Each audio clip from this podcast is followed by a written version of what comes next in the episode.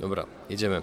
Partnerami kanału są pracownia krawiecka Karola Włodarskiego Der Red, restauracja Sushi Garden, agencja interaktywna Special Space oraz Brand24. Podczas panelu dyskusyjnego powiedziałeś, że sieci partnerskie to być może jest nie do końca dobre rozwiązanie, a przynajmniej w obecnej formie. Czy mógłbyś ten temat troszeczkę bardziej rozwinąć? Według mnie sieci partnerskie są błędnie interpretowane jako byty, które są po stronie youtuberów. I youtuberzy e, początkujący mają do nich troszkę więcej zaufania niż powinni mieć, bo tak naprawdę to jest pośrednik, który dba o swoje interesy przede wszystkim. I sieci partnerskie w obecnym stanie rynku myślę, że trochę niepotrzebnie sami, same sobie tworzą problemy przez brak transparentności wobec twórców, przez odcinanie twórców od rozmów z klientem, od poznania klienta bardzo często, od dostępu do umów, od dostępu do budżetów, e, co rodzi brak zaufania, który chyba jest pożądany w sytuacji, kiedy ktoś cię de facto reprezentuje biznesowo.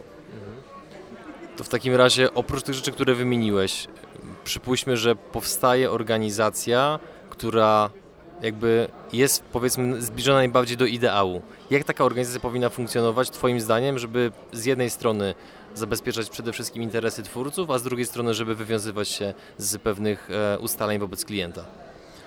No my w pewnym sensie taką, taką współtworzymy, e, przy czym my jako kolektyw, który nazywa się Tofu Twórcy, no tym się też różnimy od sieci, że nie, nie zapraszamy nikogo do dołączenia do nas. W sensie stworzyliśmy to jako system dla kilku twórców e, YouTube'owych, którzy mają może troszkę więcej doświadczenia niż tam średnia rynkowa i e, godzą się co do e, pewnych rozwiązań, więc to, jak to działa u nas, co oczywiście, jeśli ktoś chce zreplikować to rozwiązanie, to się nie obrażę. Jesteśmy w 100% transparentni wobec twórców. Twórcy sami tam wtedy, kiedy chcą, uczestniczą we wszystkich spotkaniach, rozmowach biznesowych. Wtedy, kiedy nie chcą, bo chcą, żeby to zostało dla nich zautomatyzowane, to oczywiście nie muszą. E, natomiast jesteśmy może to brzmi naiwnie mówiąc, jesteśmy uczciwi, ale taka jest, taka jest prawda. Bardzo mi się podobało podczas e, panelu dyskusyjnego, kiedy powiedziałeś, że Krzysztof Gąciarz to nie jest tylko Krzysztof Gąciarz, ale cały zespół, który z Tobą stoi. E, no i właśnie, czy moglibyśmy dwa słowa powiedzieć właśnie o tym zespole, o tych ludziach, bo e, akurat z racji tego, że również prowadzę kanał, natomiast oczywiście dużo, dużo mniejszy od Twojego. Ja również nie tworzę go sam, tworzą go również inni ludzie, którym jestem bardzo wdzięczny i również o nich często mówię. Dlatego no po prostu zróbmy taki powiedzmy drobny tribut do, do Twojego zespołu, który pomaga Ci tworzyć tą doskonałą markę osobistą? No to może wymienię kilka kluczowych osób. Bardzo ważna jest Iza Wojciechowska, która e, jest takim wydawcą czy producentem e, moich kanałów. Zajmuje się publikacją wszystkiego, jak i organizuje pracę i cały workflow w zasadzie powstawania wszystkich filmów. Jest bardzo, bardzo kluczową osobą we wszystkim. Ona jest też autorką większości tytułów, wszystkich praktycznie miniaturek. Potem jest Ewa Nowakowska, która jest e, producentką, e, zarządza projektami. Ilona Patro, która jest wspólniczką naszą w obrębie Tofu Media, która zajmuje się e, rozwojem biznesowym oraz zarządza naszym studiem produkcyjnym. Kasia Meciński, która jest moją wspólniczką w Japonii, współwłaścicielką Tofu Media. Melka Kowal, która zajmuje się no, sprawami finansowymi w naszej firmie obecnie. No i montażyści i cała nasza taka sfera produkcyjna, gdzie w tym momencie mamy sześciu montażystów i każdy z nich no mam nadzieję, ma te swoje 5 minut, żeby się pokazać światu i zabłysnąć.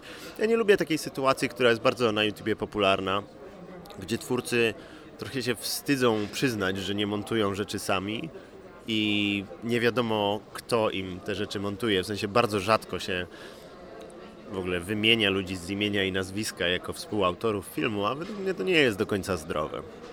To ostatnie pytanie, e, które zadałem również e, Rafałowi Masnemu z Abstrahuję.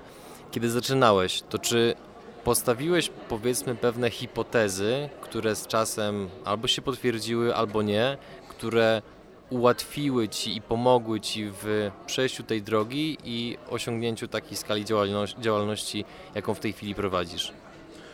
Myślę, że przede wszystkim największą hipotezą było to, że na YouTubie będą duże pieniądze, bo w momencie, kiedy ja zaczynałem, to był 2011-2012 rok, kiedy już zajmowałem się produkcją wideo, ale dopiero wtedy założyłem sobie kanał na YouTubie, wierzyłem, że to, co jest atencją ludzi i skupianiem na sobie spojrzeń, że to prędzej czy później będzie przeliczalne na pieniądze. Bo wtedy w owym czasie to było tak, że e, polska blogosfera zarabiała całkiem nieźle, czołowi polscy blogerzy, a na YouTube'a nikt kompletnie nie miał budżetu i kanały, które miały setki tysięcy użytkowników e, brały kwoty rzędu tysiąca złotych za współpracę komercyjną, co mnie się wydawało niezdrowe i mega niedoszacowane, ale wówczas niewiele ludzi myślało podobnie i cieszę się, że ta moja intuicja była słuszna na tyle, że inwestowałem w to czas i jakiś rozwój swoich umiejętności, bo okazało się, że no, miałem rację.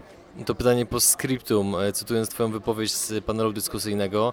E, Czy hipoteza, że być może to wszystko, cytując, jebnie, to jest e, hipoteza żart, czy to jest hipoteza, która jednak ma, powiedzmy, odniesienie w rzeczywistości do jakiegoś, powiedzmy, zjawiska, e, które miało miejsce kiedyś wcześniej, tak jak na przykład teraz, powiedzmy, modnym tematem są właśnie chociażby kryptowaluty. Bardzo często się je przyrównuje chociażby do k- kryzysu na rynku nieruchomości, który był e, dekadę temu, więc czy ta, ten, to, ta, to, co wy powiedziałeś, to odnosi się do czegoś konkretnie, czy tak po prostu to był zwykły żart? Nie powiedziałbym, że to jest żart, bardziej to jest takie wbicie kija w mrowisko na zasadzie, może warto się nad tym zacząć zastanawiać, czy ten stan rozwoju rynku, który widzimy, e, bo jakby czy, czy to jest, czy to, to zawsze tak będzie, no bo to ro, oczywiście, że to rośnie cały czas i jakby no nie ma specjalnych znaków alarmowych, żeby sytuacja się miała zmienić, bo im młodsi ludzie, tym bardziej tak naprawdę wierzą w tych influencerów i w ten model e, influencer marketingu, o którym dzisiaj tu się na tej konferencji rozmawia.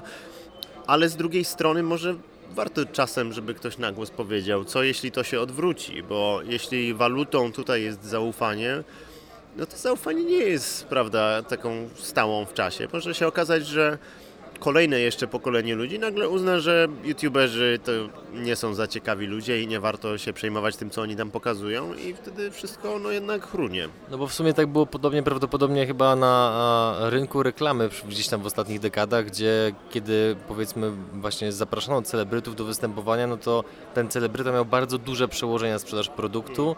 Nadal się to stosuje, jednakże no, z tego co wyczytałem w różnych książkach bądź czasopismach już z dużo no, mniejszym skutkiem, więc właśnie niewykluczone, że może być tak jak powiedziałeś, że w przypadku youtuberów właśnie ta dewaluacja tego zaufania, którym w tej chwili są obdarzeni, również może nastąpić. Albo inna możliwa sytuacja, czyli po prostu bycie zastąpionym przez coś nowszego, lepszego, bo też o tym się nic nie mówi, bo nie ma za bardzo, nikt nie ma pomysłu, co by to mogło być i nic na horyzoncie nie widać.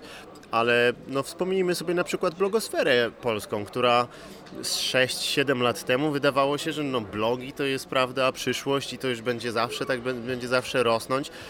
Teraz blogosfera jest bardzo przyćmiona w Polsce przez YouTube'a. No, w sensie skala jest nieporównywalna do zjawiska YouTube'a, szczególnie jak mówimy o młodych ludziach, dla których YouTube to jest naprawdę ogromna w Polsce taka siła popkulturowa. To jest e, w sensie YouTube dla młodego pokolenia jest na równi z muzyką rozrywkową.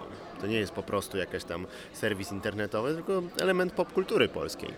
Dziękuję Ci za rozmowę, Krzysztof życzę wszystkiego dobrego. Dziękuję bardzo, nawzajem.